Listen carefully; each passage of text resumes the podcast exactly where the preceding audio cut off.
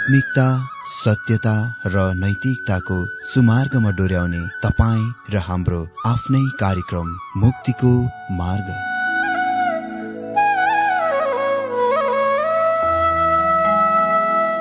आदरणीय श्रोता यस मुक्तिको मार्ग कार्यक्रममा हार्दिक स्वागत छ। आशा छ यस आत्मिक कार्यक्रमद्वारा जीवनमा आत्मिक आशिष अलौकिक शान्ति र आनन्द प्राप्त गर्नुहुनेछ। र जीवनमा धन्य अनुभव गर्नुहुनेछ। आउनुहोस् श्रोता। मन र आत्माको तयारीको लागि यो मिठो अनि मधुर भजन गीत सुनौ।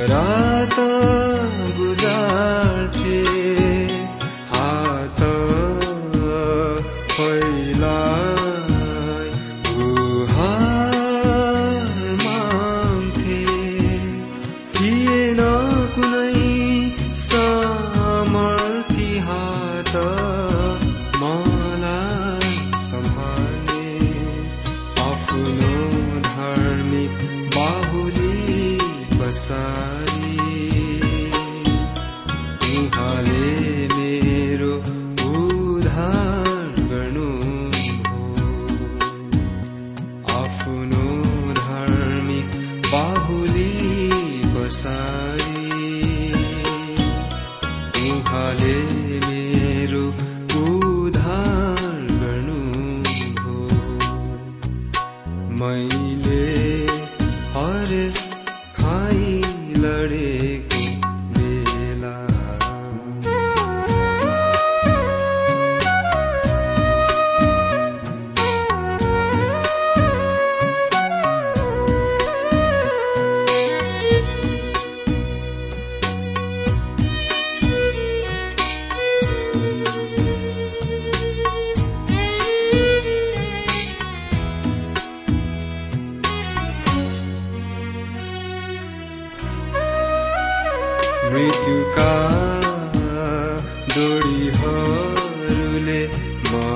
बाढीले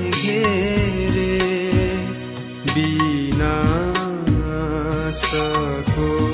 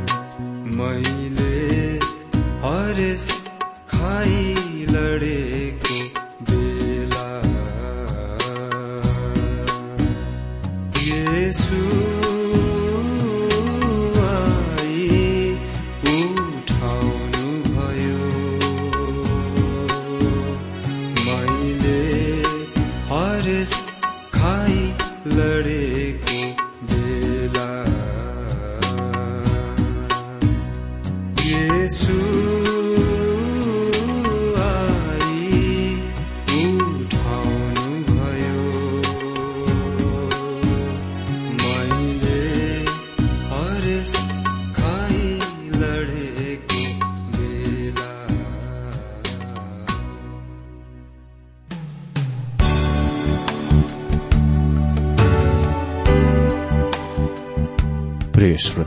यो प्रसारण मार्फत यो अवगत गराउन चाहन्छौ कि प्रभुको सेवाको लागि यहाँहरूको साझेदारी नित्यन्त आवश्यकता छ। यहाँहरूले प्रार्थनाको साथसाथै आर्थिक सहायता गर्न अनुरोध गर्दछौ। तपाईँहरूको सानोभन्दा सानो भेटी किन नहोस्? हामी प्रभुको नाममा स्वीकार गर्नेछौ प्रभुको सेवाको लागि। तपाईँहरूको यो सानो लगानीले कसैको जीवनमा भिन्नता ल्याउँछ अनि प्रभुको महिमा हुन्छ। प्रभु तपाईँहरूलाई महान गरी आशिष दिनुहुनेछ। इच्छुक श्रोताहरूले तपाईँको इच्छा भेटी हाम्रो ठेगानामा पठाउन सक्नुहुन्छ जुन ठेगाना हामी कार्यक्रमको अन्तमा दिनेछौं।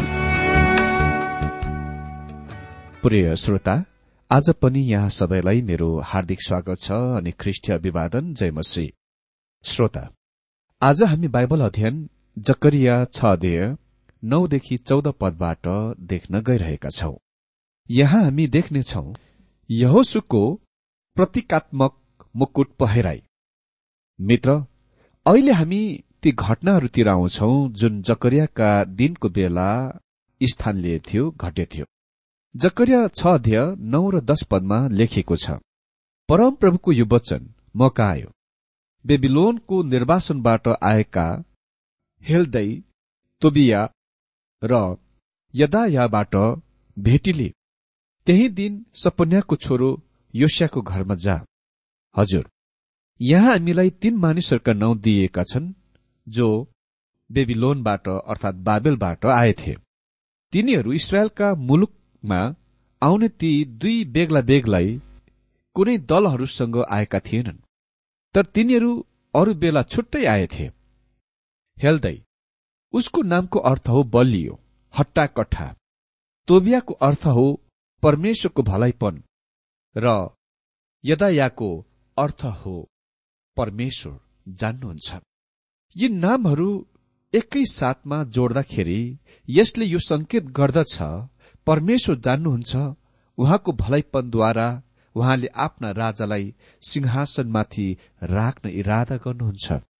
र उहाँले यो बलियो मजबुत र शक्तिशाली तरिकामा कायदामा यसको गर्नुहुनेछ। यहाँ जुन कुराले स्थान लिइरहेको छ वा जुन कुरा भइरहेको छ त्यो प्रतीकात्मक मुकुट लगाइदिने कुरा हो।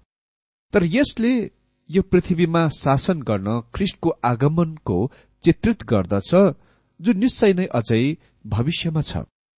एघार पदमा लेखिएको छ सुन र चाँदी लिएर एउटा मुकुट बना र त्यो यहो सादाकको छोरा प्रधान पुजारी यहोसुको शिरमा लगाइदिए यो गर्नलाई अनौठो कुरा जस्तो देखाइ पर्दछ होइन र?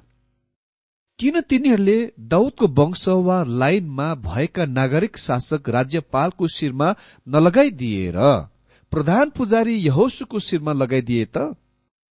हजुर तिनीहरूले यरबाबेललाई मुकुट नलगाइदिनको कारण थियो परमेश्वर त्यस समयमा दाउदको वंश वा लाइनकालाई सिंहासन दिन पुनस्थापन गर्न गइरहनु भएको थिएन। वास्तविकता यो हो कि दाउदको मुकुट लगाउने अर्को व्यक्ति प्रभु येशु ख्रिस्ट नै हुनुहुन्छ जब उहाँ यो पृथ्वीमा आउनु भएर आफ्नो राज्यको स्थापन गर्नुहुनेछ। तर प्रधान पुजारीलाई मुकुट पहिराइदिने कुरा लगाइदिने कुरा अति नै धेरै असम्मान्य थियो। होइन र? किनभने परमेश्वरले राज्यको कार्यभार पद वा कार्यालय र पुजारीको कार्यभार पद वा कार्यालय बिल्कुल अलग अलग छुट्टै राख्नु भएको थियो। यसको स्पष्ट कारण यस तथ्यमा पाइँदछ कि यहोसु प्रधान पुजारी चाहिँ प्रभु येशु ख्रिष्टको प्रतिनिधि हुनुहुन्छ जो आज हाम्रो प्रधान पुजारी हुनुहुन्छ।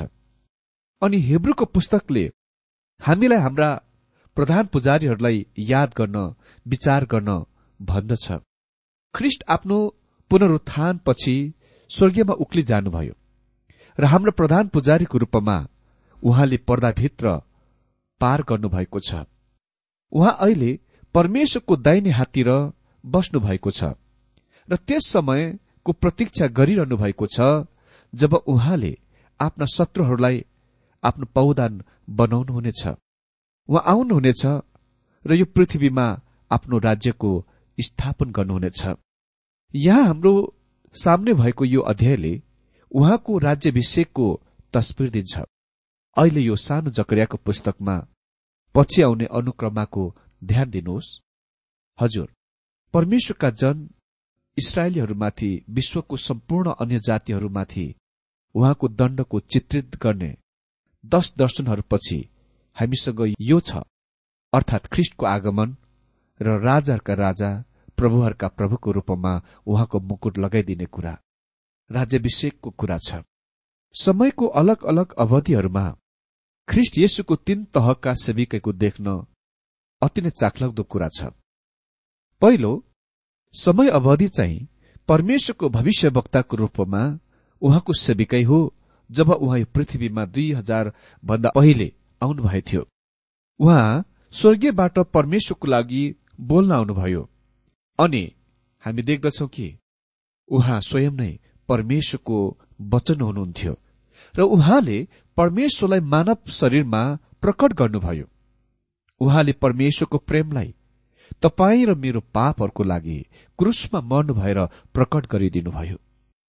तपाईँ र म रहेको यो दिनमा उहाँ परमेश्वरको पुजारी हुनुहुन्छ। जब उहाँ स्वर्गीयमा उक्ले जानुभयो उहाँले पर्दाभित्र पार गरेर जानुभयो। र पवित्रहरूको पनि महापवित्र स्थानमा उहाँले आफ्नै खुन रगत हाम्रो पापहरूको लागि चढाउनुभयो। आज उहाँ त्यहाँ हाम्रो निम्ति अन्तर्विन्ती गर्न हुनुहुन्छ। जब हाम्रो जीवनहरूमा पापहरू हुन्छन् वा आउँदछन् र हामी ती पापहरूलाई उहाँ कहाँ प्रस्ताव गर्दछौं भने उहाँले हाम्रो लागि हस्तक्षेप गर्नुहुन्छ। उहाँ त्यहाँ हाम्रा प्रधान पुजारीको रूपमा सेवा गर्नुहुन्छ। अनि एक दिन भविष्यमा उहाँ फेरि आउनुहुनेछ। प्रकाशको पुस्तकले यो बिल्कुल स्पष्ट पार्दछ कि उहाँ राजाका पनि राजा र प्रभुहरूका पनि प्रभुको रूपमा आउनुहुनेछ। भविष्य वक्ता पुजारी र राजा यी ख्रिस्टका तीन प्रकारका सेविकै हो।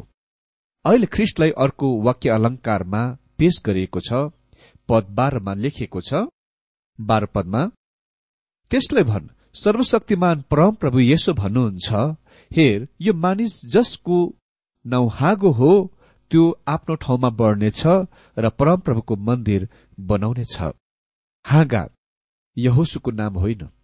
यो भविष्यवाणीको नाम हो जुन प्रभु येशु ख्रिस्टको निम्ति दिइएको छ। उहाँ यो पृथ्वीमा करिब दुई हजार भन्दा पहिले हागोको रूपमा र यसै त्रिपन्न अध्ययको दुई पद अनुसार सुक्खा जमिन बाटोको जराको रूपमा आउनुभयो। अमित्र वा मानव चोलामा आउने कुरा र मानिसहरूको बीचमा त्यस्तो समयमा आउने कुरा संसारमा अति नै आश्चर्यजनक कुरा छ जब ती मानिसहरू रोमीहरूको अधीनता मुनि थिए। उहाँलाई किसान येसी बाटोको टुसा वा जरा भनिएको छ किनभने येशु ख्रिस्ट जन्मनु भएको बेला समयसम्ममा दौदको राजकीय घरना वा वंश दरिद्रतामा आइसकेका थिए। दाउदको वंश वा लाइनका कुनै मानिसहरू राजगद्दीमा सिंहासनमा थिएनन् बरु तिनीहरू किसान र मजदुर अवस्थामा आइसकेका थिए।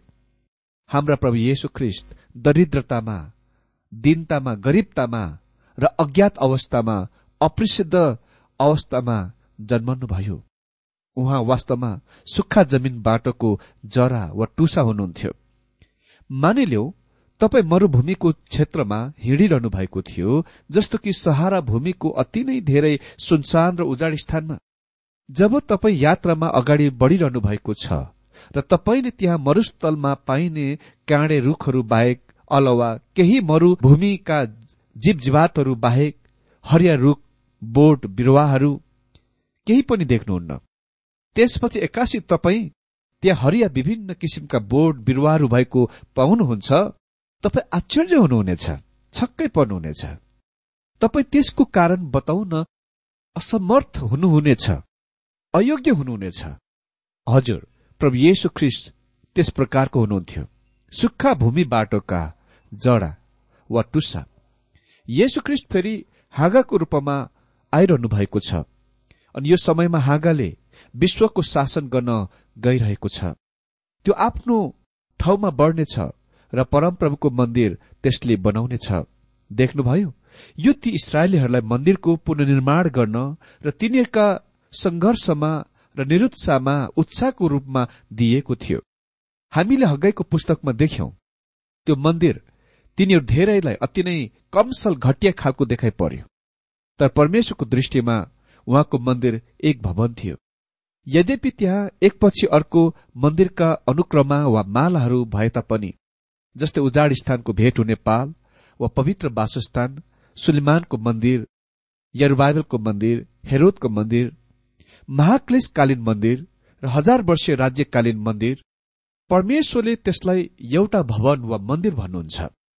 उहाँले यरुबाइबलको मन्दिरलाई अलग भवन वा बेग्लै मन्दिरको रूपमा हेर्नुहुन्न विचार गर्नुहुन्न।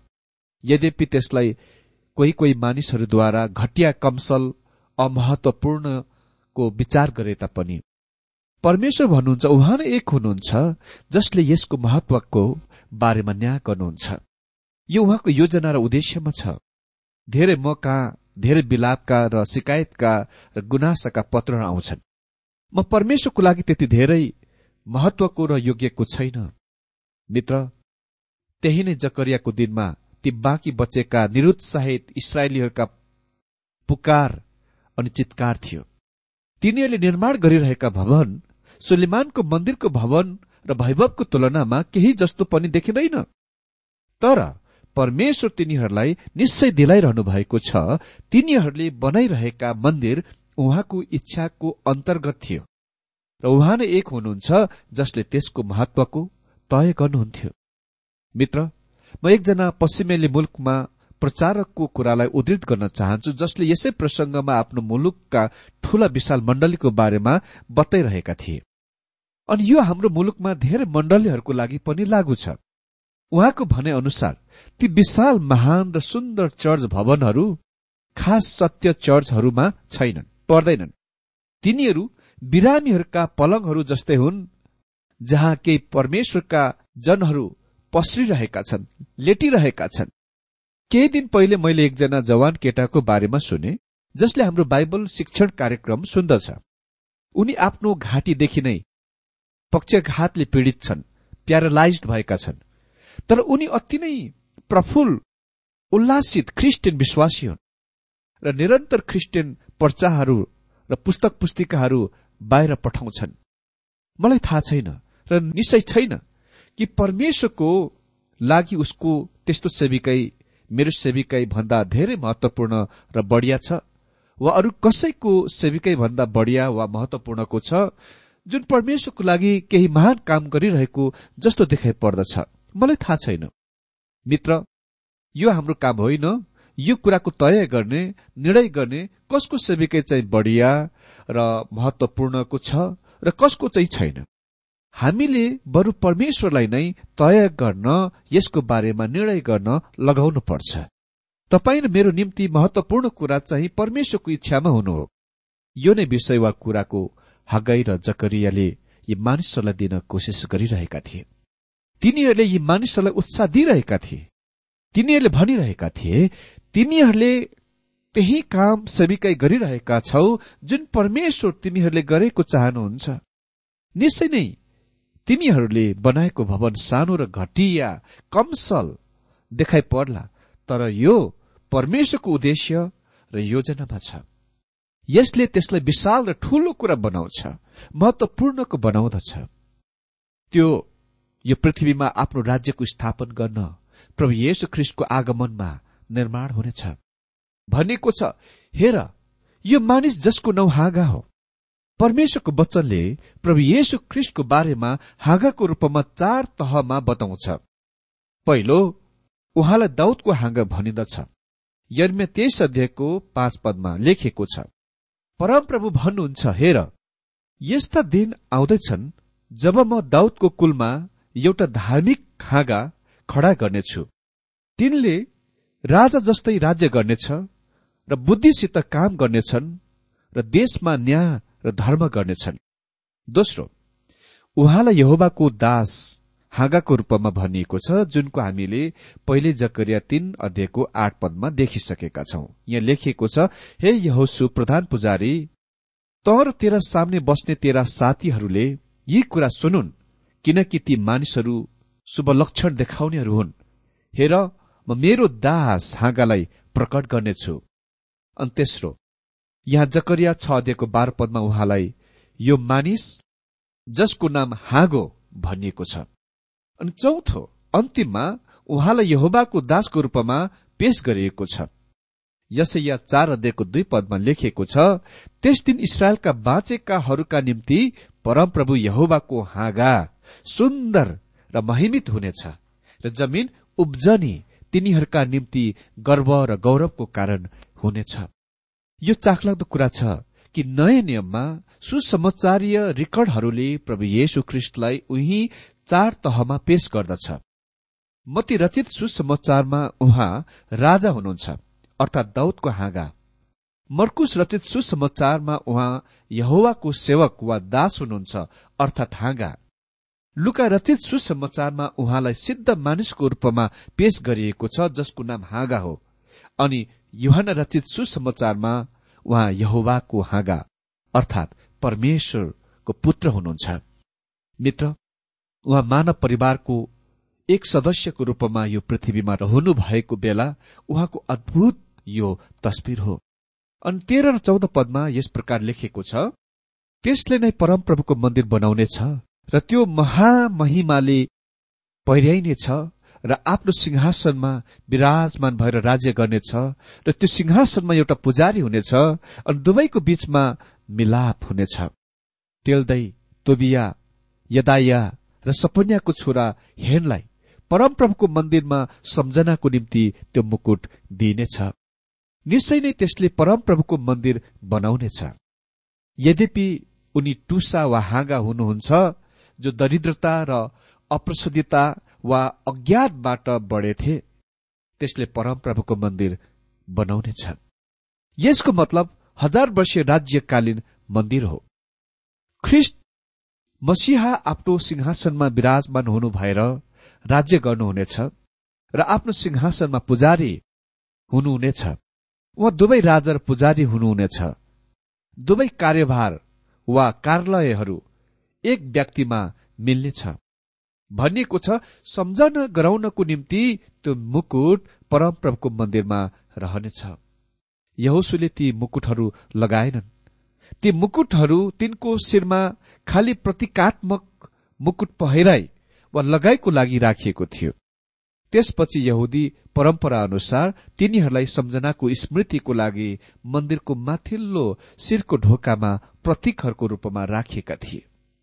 जुनले यो कुराको याद सम्झना गराउने वस्तुको रूपमा सेवा गर्दथ्यो कि मसिहा आउनुहुनेछ वा खालि राजा मात्र हुनुहुने छैन तर पुजारी पनि हुनुहुनेछ। परमेश्वरले आजको यो बाइबल अध्ययनद्वारा हरेकलाई धेरै धेरै आशिष दिनुभएको होस्।